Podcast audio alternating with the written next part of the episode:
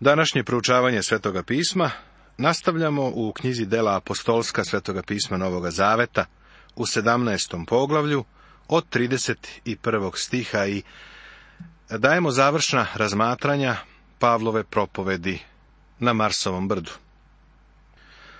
Ne gledajući dakle na vremena neznanja, Bog sada nalaže ljudima da se svi svuda pokaju bilo je vreme kada je Bog zatvarao svoje oči za paganstvo.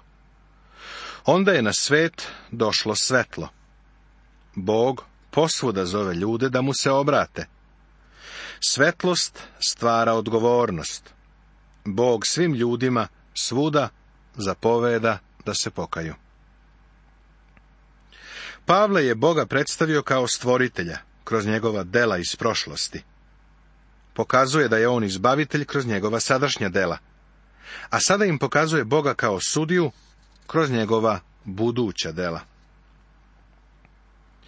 Jer je on postavio dan u koji će po pravdi suditi celom svetu, preko čoveka koga je odredio, pruživši svima pouzdanje time što ga je vaskrsao iz mrtvih.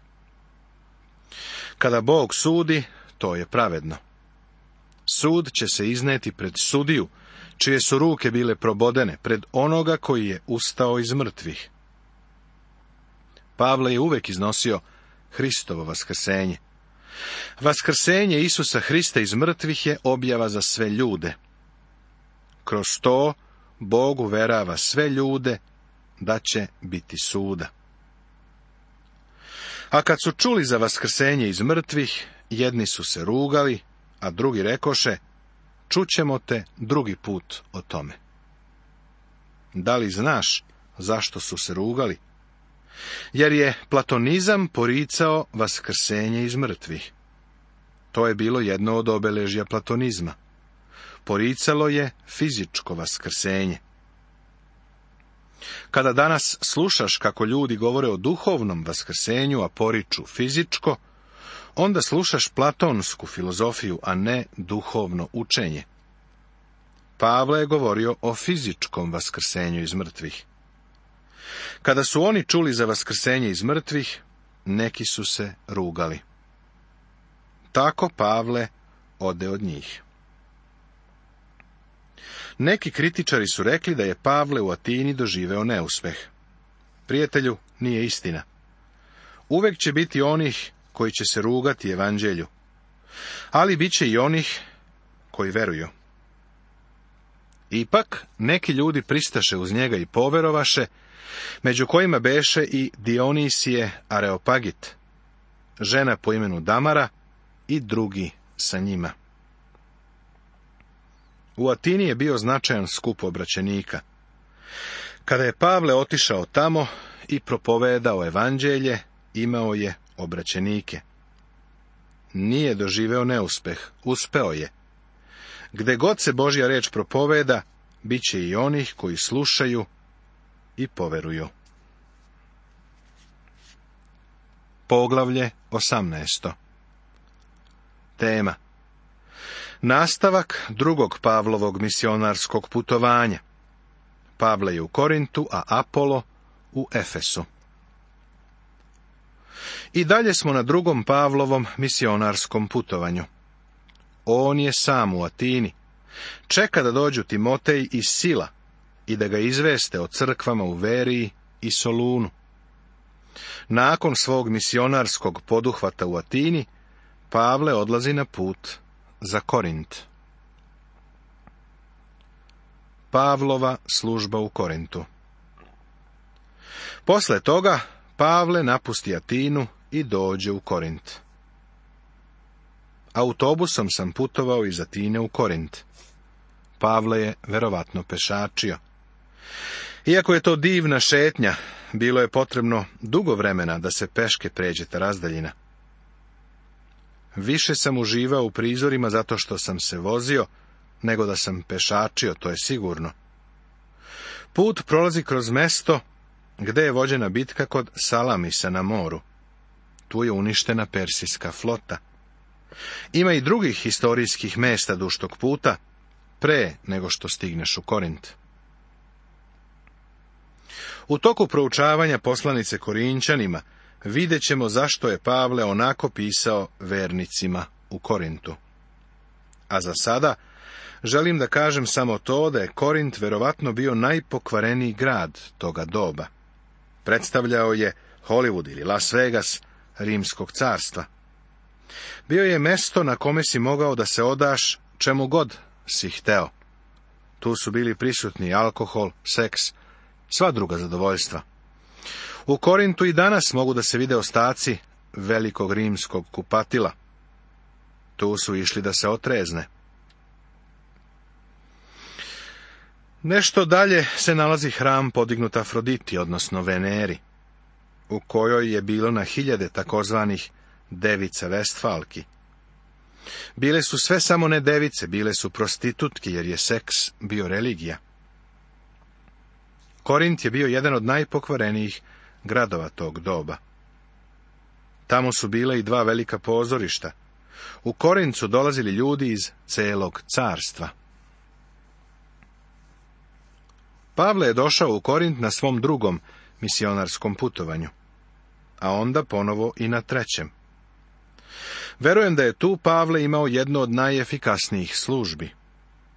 Po mojoj oceni, u Korintu i Efesu je Pavle imao najveće službe. Efes je bio religijski centar, Korint je bio centar greha. Oba grada su bila veliki trgovački centri. Tu nađe jednog judejna po imenu Akilu, rodom iz Ponta, koji je sa svojom ženom Priskilom nedavno bio došao iz Italije, zbog Klaudijeve naredbe da svi judeji napuste Rim. K njima dođe. U Korintu je pronašao jevrejski par, koji je nedavno došao iz Rima. Razlog zbog kojeg su napustili Rim je bio antisemitizam, koji se zemljom valjao kao kakav talas u doba Rimskog carstva, to se desilo nekoliko puta. U ovo vreme Klaudije je zapovedio da svi jevreji napuste Rim. Među onima koji su otišli iz Rima bio je i divan par Akila i Priskila. Pa pošto su se bavili istim zanatom, osta kod njih i tu je radio. U svom zanatu izrađivali su šatore. Akila je tu došao zbog posla. Otvorili su radnju. Jednoga dana je u tu radnju došao jedan sitan jevrin, koji je putovao čak iz Antiohije. Upoznali su se, pa su pozvali Pavla da ostane kod njih. Šta misliš, o čemu su razgovarali? Pa, Pavle ih je doveo do gospoda. U sinagogi je bilo i drugih, koji su se također obratili gospodu. Međutim, među vrijeme je bilo i snažnog protivljenja Pavlu. A svake subote raspravljao je u sinagogi i ubeđivao judeje i grke. Kada pak Sila i Timotej stigoše iz Makedonije, Pavle se sasvim posvetio propovedi, svedočeći judejima da je Isus Mesija. Pavle je u Atini čekao Timoteja i Silu ali se oni nisu pojavili. Sada dolaze kod njega u Korint i donose izvešta iz crkava u Makedoniji. Kada dođemo do prve poslanice Solunjanima, vidjet ćemo da ju je Pavle napisao u ovom periodu, nakon što je od Timoteja dobio izveštaj. Sada smatra da mora da govori, pa svedoči o Isusu Mesiji. No, kako su se oni protivili i hulili, on otrese svoje haljine i reče im, vaša krv na vaše glave, ja sam čist i od sada idem mnogobošcima. Očigledno je u ovom vremenu kod Pavla došlo do prekretnice, koja ga je odvela neznabožačkom svetu.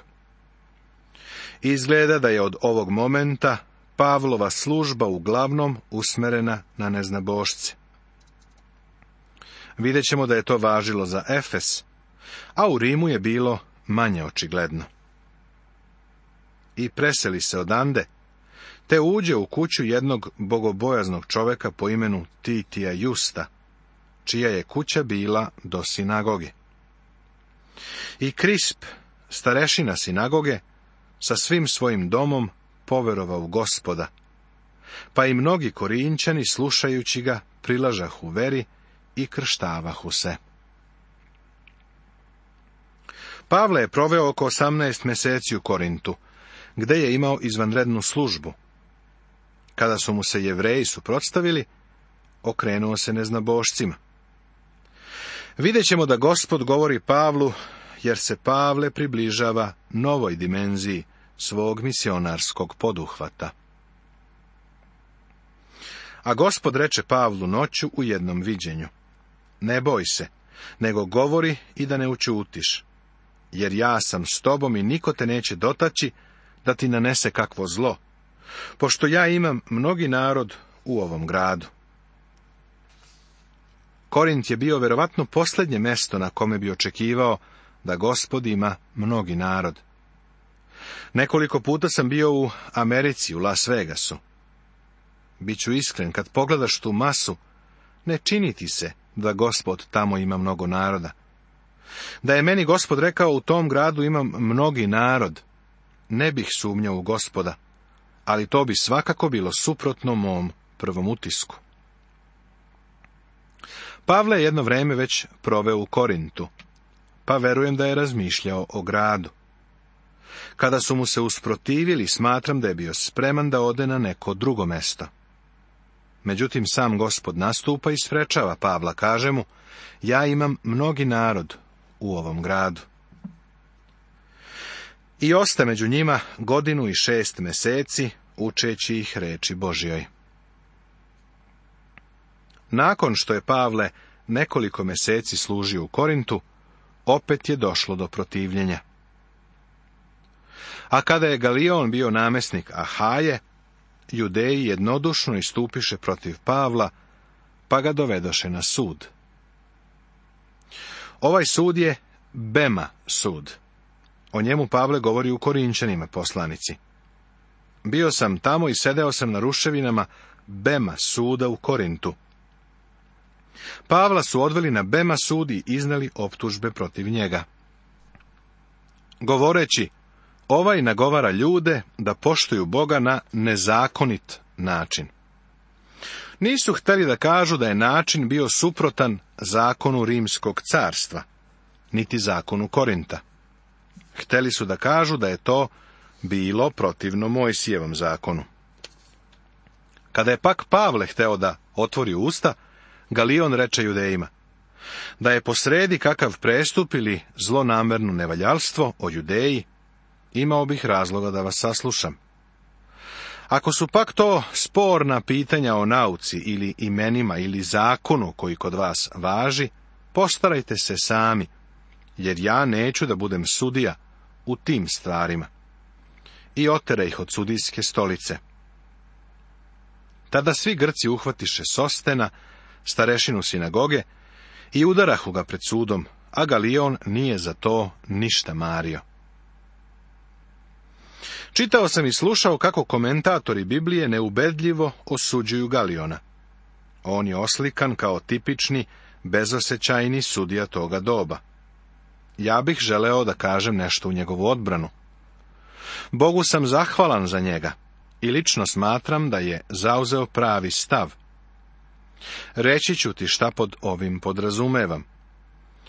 On je verovatno prva osoba koja je donela odluku na realizaciji crkva država. Galion je rekao sljedeće. Ako se pitanje odnosi na religiju ili neku religioznu stvar, onda to sami treba da reše. On je bio rimski sudija za prekršaje, sedeo je na Bema, stolici, i bio je zadužen za sprovođenje rimskog zakona. Ali ako se slučaj nije odnosio na rimski zakon, on nije želeo da se meša. Rekao im je da te religiozne stvari reše sami.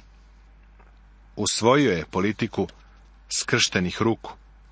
Sviđa mi se Galion. On je odvojio crkvu i državu. Nije se mešao u Pavlovo propovedanje u Korintu. Korint je bio slobodan grad, a to je uključivalo i slobodu religije. Pošto se pitanje odnosilo na religiju, on ih je zamolio da to sami reše. Sada bih želeo da kažem sljedeće. Voleo bih kada bi Vrhovni sud moje države, Amerike, usvojio istu politiku. Voleo bih kada bi prihvatili politiku skrštenih ruku kada su u pitanju religijske stvari. Kakvo pravo ima grupa svetovnih ljudi koja se okupi, pa onda donese odluku o tome da u školama ne smete da se molite? Ako jedna društvena zajednica želi da ima molitvu u školama, onda to treba i da dobije. Ako u školama nemaju molitvu, onda država ne bi trebalo na to da ih prisiljava. Tvrdimo da u Americi postoji sloboda govora i verska sloboda. Nesreća je u tome što je naša sloboda često pokrivena. Često je ta sloboda zloupotrebljena i pogrešno usmerena. Pod okriljem odvajanja crkve i države religijska sloboda se nekako prekriva. Ako želimo da odvojimo crkvu i državu, onda država ne treba da se meša u ono što se odnosi na crkvu. Da se ovaj čovjek Galion kandidovao za neki položaj, glasao bih za njega. Mislim da su nam potrebni ljudi sa ovakvom vizijom. Kaže se da Galion uopšte nije mario za ove stvari. Naravno da nije. On je bio svetovni sudija za prekršaje. On ne pokušava da sredi argumente o razlikama u doktrini. To nije njegov posao, pa se drži izvan toga. Za njega bih, znate, glasao. Pavle plovi za Antiohiju. Pavle pak osta ovde još mnogo dana. Pa se onda oprosti od braće i otplovi u Siriju, a s njim Priskila i Akila. U Kenhreji je ošišao glavu jer je imao zavet. Danas mnogo ljudi okrivljuje Pavla zbog ovog zaveta. Kažu da je on čovek koji je propovedao da nismo pod zakonom nego pod blagodaću, pa da zato nije smeo da daje zavet. Svako ko o Pavlu tako govori u stvari kaže da se Pavle nije mnogo obazirao na zakon. Oni smatraju da je Pavle trebalo da radi na njihov način. Prijatelju, pod blagodaću, ako želiš da se zavetuješ, možeš. Ako ne želiš da se zavetuješ, ne moraš. Pavle nije nikoga prisiljavao da da zavet. U stvari, on je izričito rekao da to niko ne mora da radi. Ali ako Pavle želi da se zavetuje, to je njegova stvar. Ovo je divna sloboda koju danas imamo u blagodati Božjoj. Ima nekih super pobožnih ljudi koji formiraju male klike, donose neke zakone za hrišćane. Kažu ovo i ono ne smemo. Vrlo iskreno ću reći da smo uspostavili odnos sa gospodom Isusom Hristom i da je taj odnos odnos ljubavi. Ako ga volimo, prirodno je da nećemo raditi ništa što bi prekidalo našu zajednicu sa njim. Ne teraj me da idem tvojim putem, ja sledim njega. On mi pokazuje šta smem i šta ne smem, da bih održao zajednicu sa njim. Ako neko želi da jede meso, postoji sloboda da se meso jede. Ako neko želi da poštuje određeni dan, ima slobodu da to čini. Ako dakle jedete, ako pijete, ako mašta činite, sve činite na slavu Božju, kaže se u prvoj poslanici Korinčanim u desetom poglavlju, u 31. stihu. Ono što je važno jeste da sve radimo Bogu na slavu. Ako jedeš meso, to te neće preporučiti Bogu, kao što te ni uzdržavanje od mesa neće preporučiti Bogu. Ne smatrajmo Pavla ovde krivim. Siroti Galion i Pavle su ovdje upali u nevolju zbog prava u ovom odeljku. Želeo bih da obojcu odbranim. Pavle se sada vraća sa svog drugog misionarskog putovanja i odlazi nazad u Antiohiju. Plovi za Kenhreju, pomorsku luku na istočnoj strani. Kroz Korinsko poluostravo danas postoji kanal, ali ga u ono vreme nije bilo morali su brodove da vuku preko kopna. Imam jednu sliku na kojoj se vidi kamenje koje se izlizalo zbog brodova koji su vučeni preko te prevlake na drugu stranu. Kenhreja je bila korinska luka sa istočne strane. Pavle tamo odlazi sa Akilom i Priskilom i tu uzimaju brod. No, ne ide dalje na zapad, već plovi kući. Nastavit će se.